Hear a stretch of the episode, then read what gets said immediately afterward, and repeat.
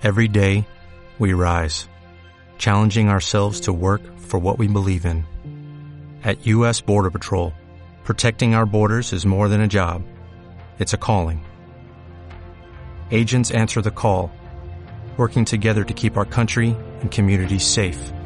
If you're ready for a new mission, join U.S. Border Patrol and go beyond. Learn more at cbp.gov/careers.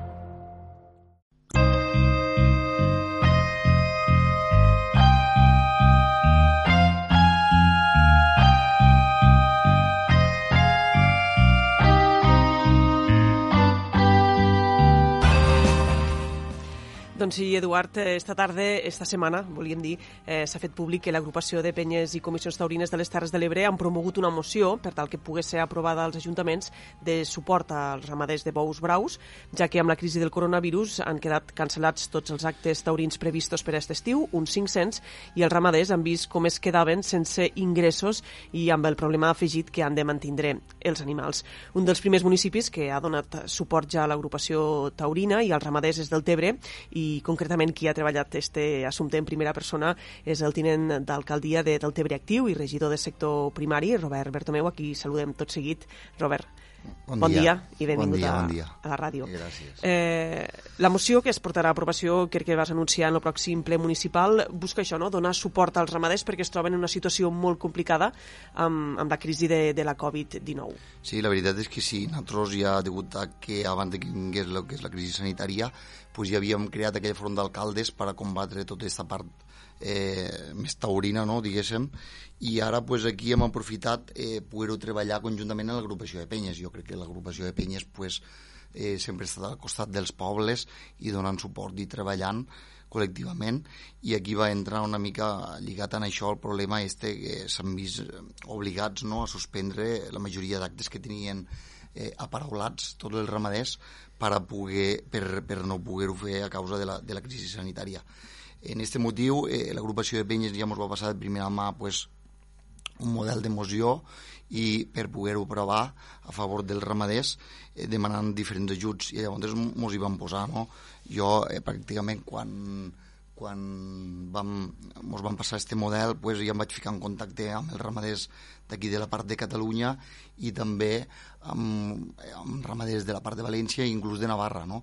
I a Navarra ja ens havien informat que havia hagut eh, que s'havia aprovat un ajut de 90 euros per, per animal i llavors pues, el que vaig fer va ser això, no? agafar i, i ficar-me en contacte amb ells. Vaig demanar una mica quines eren eh, quina, quines eren les, les ajudes que podíem rebre des d'aquí, eh, quine, també ells me van explicar una mica quina era la mitja de consum d'un animal al camp i, i que, clar, ho teníem molt clar, que si suspenien tots aquests actes, pues no, no se, se veien en, bueno, sense ingressos, no?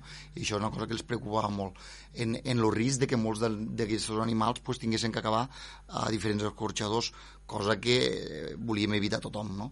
I per això vam estar treballant eh, des de, eh, des de Navarra a mi van passar directament eh, ajuts que van rebre eh, i també una part d'al·legacions que ells havien fet perquè no estaven d'acord. Llavors vam agarrar pues, una mica eh, el millor de tots per a poder formar esta, esta moció i poder-la passar als diferents plens, eh, les diferents poblacions no? que ens veiem afectades. Llavors entenem que la problemàtica, esperem, i aquí vam, hem demanat a, a totes les administracions eh, que donien este punt de, de suport als ramaders, degut a que eh, la problemàtica que tenim aquí a Catalunya és diferent de la de, de la de València, no? perquè a Catalunya pràcticament estem entre 6 o 7 ramaderies extensives de bous braus i, i València on anem a més de 100 i Navarra estem al voltant de 45-50 eh, llavors sí que hem demanat a les diferents administracions pues, per lo menos pues, que, que ens puguen donar i li puguen donar este copet de mà a tots els ramaders perquè entenem de que aquest any pues, és un any extraordinari i diferent a tots si l'any que ve torna en normalitat tot i així que sigui pues, poder tornar a comptar en, lo, en, els animals no? Tu ara feies referència al fet de que la situació de les ramaderies no és la mateixa aquí a Catalunya que, que a Navarra i que, i que a València. Precisament l'altre dia entrevistàvem a, a Pedro Fumador, al Xernego, i ell sí que una mica el que manifestava és que se sentien incompresos no? els ramaders aquí a Catalunya i, i sí que reconeixia que tenien molt de suport per part de l'administració local, però que en canvi eh, pues que a nivell del govern de la Generalitat no havien obtingut ni suport ni per part del Departament d'Agricultura per, a, no? per a la manutenció dels animals ni tampoc per, per part del Departament de Cultura.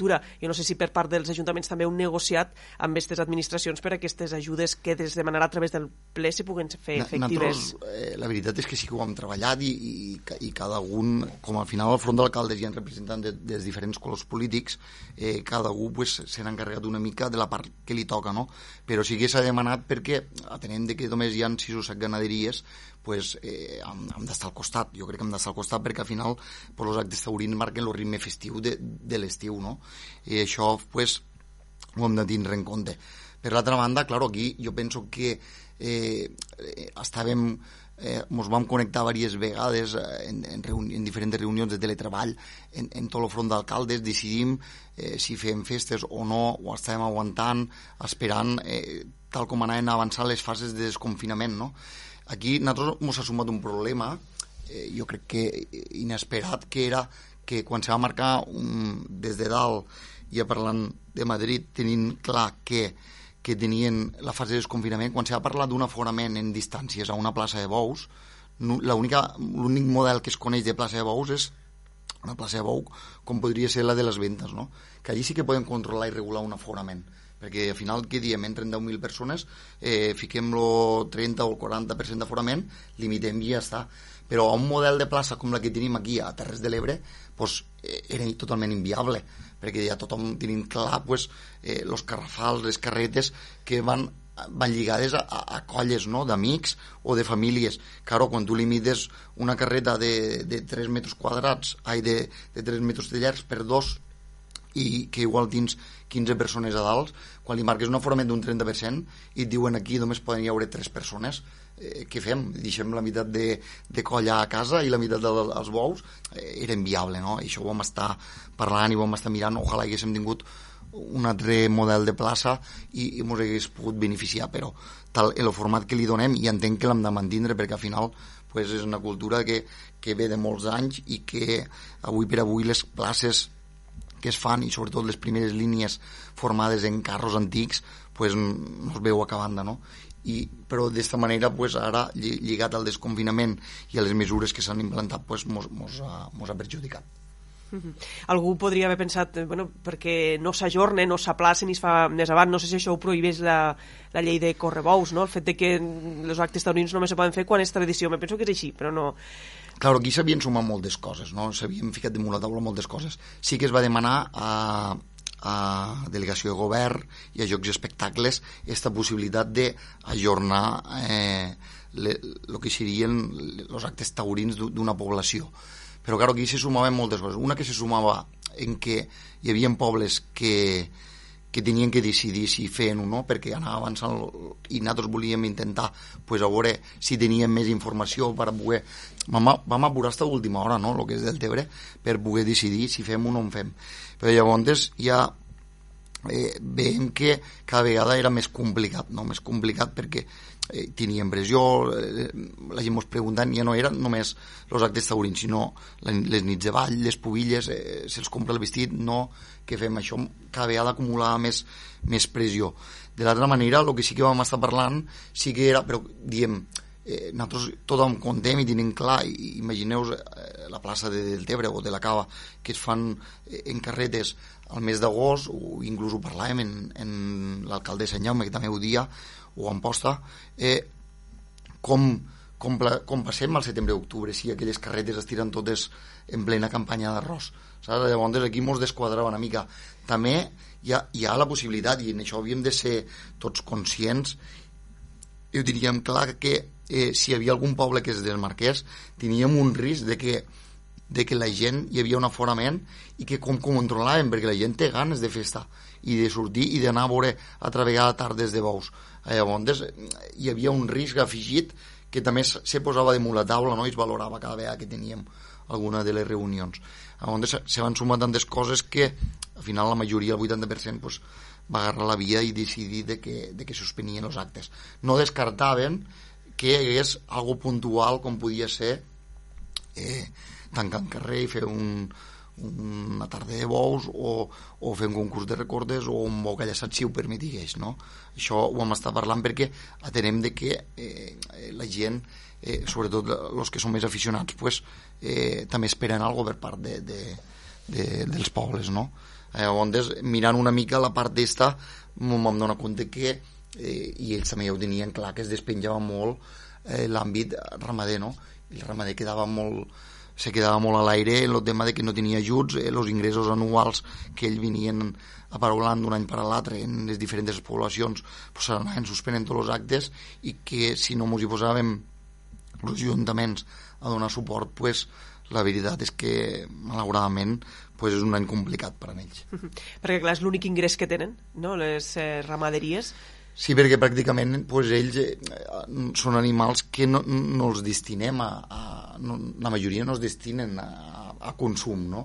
I, i que són animals que al final els manteneixen d'un any per l'altre, però l'ingrés és quan arriba la temporada i ells tenen clar que ja a partir d'abril-maig comencen a fer fins al setembre-octubre pues, esta temporada que els ajuda a aguantar d'un any per a l'altre. No? Los ajuts sobretot se demanen per al manteniment d'estos animals, no? per, a, per a evitar que, que puguen ser sacrificats. Bàsicament se demanen aquest ajut que comentaves abans, no? d'uns 90 euros per a animal, per a sí. manutenció i, i també tot el tema sanitari, veterinari. Claro, nosaltres el que vam estar parlant i ho, vam, i ho vam debatre, inclús jo vaig parlar amb diferents ganaders també de, de la part de València, els d'aquí també, i, i vam estar parlant i claro, ells dient jo vaig agarrar una mica i les aportacions que vam fer vam intentar que siguin eh, les més coherents i, i ficar-li una mica damunt la taula el sentit comú, no? Eh, què vam treballar aquí? Una part molt important era de que eh, me comentaven, la majoria de ramaders de la part de València, que encara no ho tenen tancat, diu que nosaltres la primera proposta que ens feien era 30 euros per animal, era 30 euros per animal, i l'obligació de no matar-lo claro, diu, eh, de no, en cas de que no pugués aguantar, no tingui que anar a, una, a un escorxador. Aquí 30 euros és un consum mínim que és d'un mes.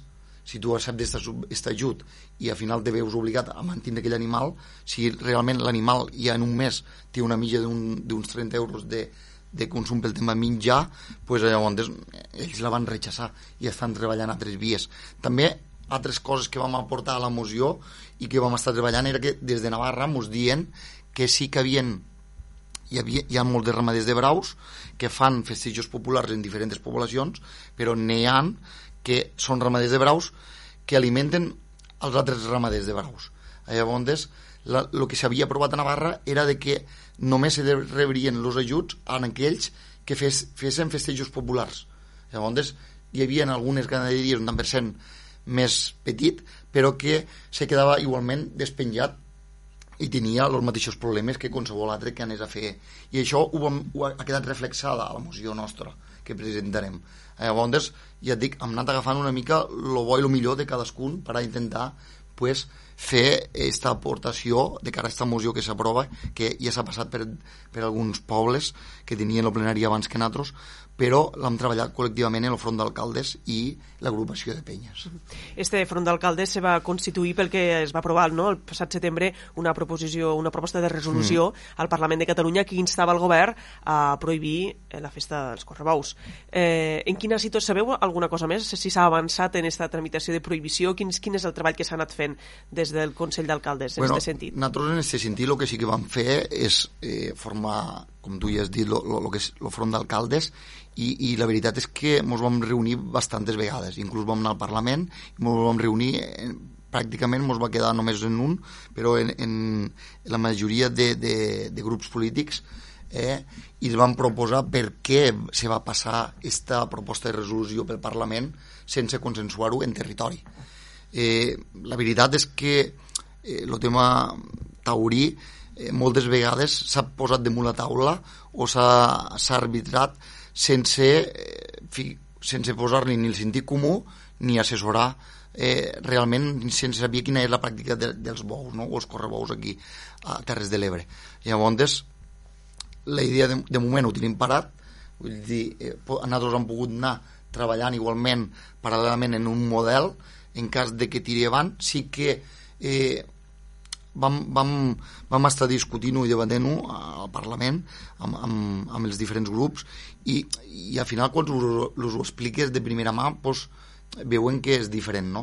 I sempre una de les coses que se'ls va dir i, i els que els vam dir, ells una de les excuses que ens van ficar és que la proposta de resolució se va presentar d'un moment per l'altre i ante la duda van, van fer aquelles votacions, no? I que, i que els resultats van donar doncs van donar això. Llavors, nosaltres el que teníem clar i que sí que els va dir, escolta, eh, sempre que hi hagi alguna així, encara que es presenta una, una proposta de resolució d'un moment per l'altre, eh, eh, consulteu el territori, tenim referents, tenim agrupacions de penyes que ho estan treballant, tenim xifres que demostren eh, si hi ha hagut maltracte animal o no, eh, tenim actes veterinaris que al final són eh, les que dictaminen eh, com acaba cada tarda de, de bous, eh, si hi ha lesions per part dels animals, eh, si s'ha fet el sanejament correcte. Eh, tota aquesta informació eh, s'hauria d'haver preguntat abans de, de prendre una decisió. De moment, ell diràs que molt bona voluntat per anar en aquesta via i que s'ha estat treballant i atenent en això pues, nosaltres estem realment pues, sempre eh, connectats i, i treballant donant-li un format i mantenint una mica el que són les tradicions nostres. No? Com a regidor de sector primari, un altre dels temes que preocupa i que també va passar per ple, crec, en, en l'anterior plenari municipal, és el fet de, de l'increment de les sancions a la caça. Sí, això és un altre tema que malauradament i paral·lelament eh, va per la mateixa via que el que t'estava explicant ara, no? Jo, eh, eh, avui estem divendres, dimecres vaig parlar amb el president de la Federació Catalana de Caça i vam estar parlant i, i pràcticament se van trobar el mateix, que es, van, se, se vol aprovar la, la, la llei, una llei que, malauradament, en unes sancions eh, desmesurades, que realment no toquen a un lloc, no? i sense preguntar a lo que són les federacions de caça, que realment és les que acaben aportant eh, els criteris demanant l'opinió per a com redactar una llei abans d'aprovar-la. No? no obstant, eh, això pues, lo, al col·lectiu de caça li va sentar molt malament, perquè és un col·lectiu que pràcticament eh, s'autogestiona, eh, no, no et posa problemes per res, eh, quan és el moment de col·laborar, col·labora, s'adapta a la llei Eh, que li posen, però eh, últimament pues, està, està tenint pues, uns atacs eh, de diferents col·lectius que, que, que no, no, no toquen el lloc, no? I això, pues, realment les federacions s'han ficat en contacte, treballant conjuntament a través de, de la Federació Catalana de Caça. Ells han reunit també els diferents eh, grups polítics per aportar-los eh, quina realment seria, quin és el redactat que realment s'hauria de modificar en cas de que s'hagués de modificar, no? No innecessàriament ni desmesuradament en sancions tan elevades com eh, si no portes el gos vacunat eh, la, la sanció pot arribar a 3.000 euros eh, això no s'ha vist mai en lloc no? llavors eh, diràs, jo vaig parlar ahir i també va comentar, me van enviar un correu dient-me pues, una mica a nivell de, com a grup polític i a nivell de territori, que és la part que ens toca, eh, quins punts se poden defensar i què, què és el que demana eh, el que és la Federació Catalana de Caça per a que es pugui eh, treballar. Sí que nosaltres vam, vam entrevistar també al programa el president de la Federació Catalana de Caça i sí que va dir no, que havia notat doncs, que per part dels grups polítics hi havia bona predisposició per a canviar la llei perquè semblava ser una mica... De, crec que va dir que era un gol que havia colat el funcionari al polític, no? Sí. És a dir, que pràcticament els grups eh, parlamentaris no coneixien el fet que, que era una llei que anava d'acompanyament als pressupostos i que incrementava aquestes sancions a la casa. Per tant, no sé tu, si dius que vas parlar amb ell, continueu optimistes no? en que es pugui modificar aquesta llei per a també modificar aquestes sancions desmesurades. Jo crec que sí, jo crec que sí. Jo vaig parlar amb ell i ell, bueno, jo pràcticament ell ha parlat en, en tots, no? I, i llavors té una visió més, més, més, més oberta del que, i les sensacions que li han pogut transmetre els diferents eh, grups polítics, però al final teníem de, i ficant-li damunt la taula el sentit comú que bueno, a, a, anirem en una línia de treball per poder per poder pues, suavitzar això i tornar una mica tota la normalitat, no? perquè eh, el col·lectiu de caçadors ja estava preparant el que seria un, un, una manifestació per sortir al carrer perquè tenien de que, sense consensuar-ho en les federacions comarcals, igual que la Federació Catalana, no, no veiem en oportú que se treballés una llei d'aquestes formes.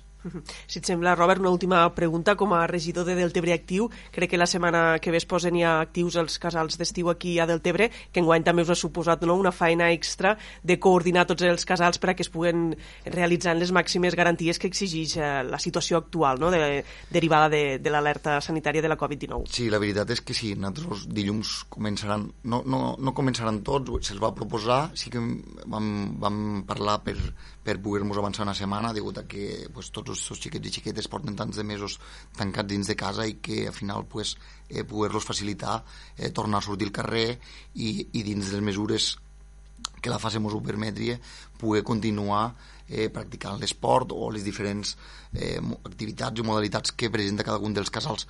En això sí que aquest any pues, ens han tingut que ficar des de, per part des de l'Ajuntament i des de l'àrea del Debre Actiu a treballar-ho eh, conjuntament en ells per reestructurar un organigrama i donar-li un format degut a que també ja vam, vam, vam passar el passat ple eh, esta, esta, este canvi no, de, de, de preu públic que teníem per equipament per facilitar a totes aquelles empreses que també poguessin muntar els campus d'estiu. Eh, vam enviar una circular a pràcticament totes les entitats i empreses que podien eh, organitzar campus d'estiu, ens van contestar les que sí i realment se ficaran en funcionament, la majoria a partir de l'1 juliol i algunes ja a partir de dilluns.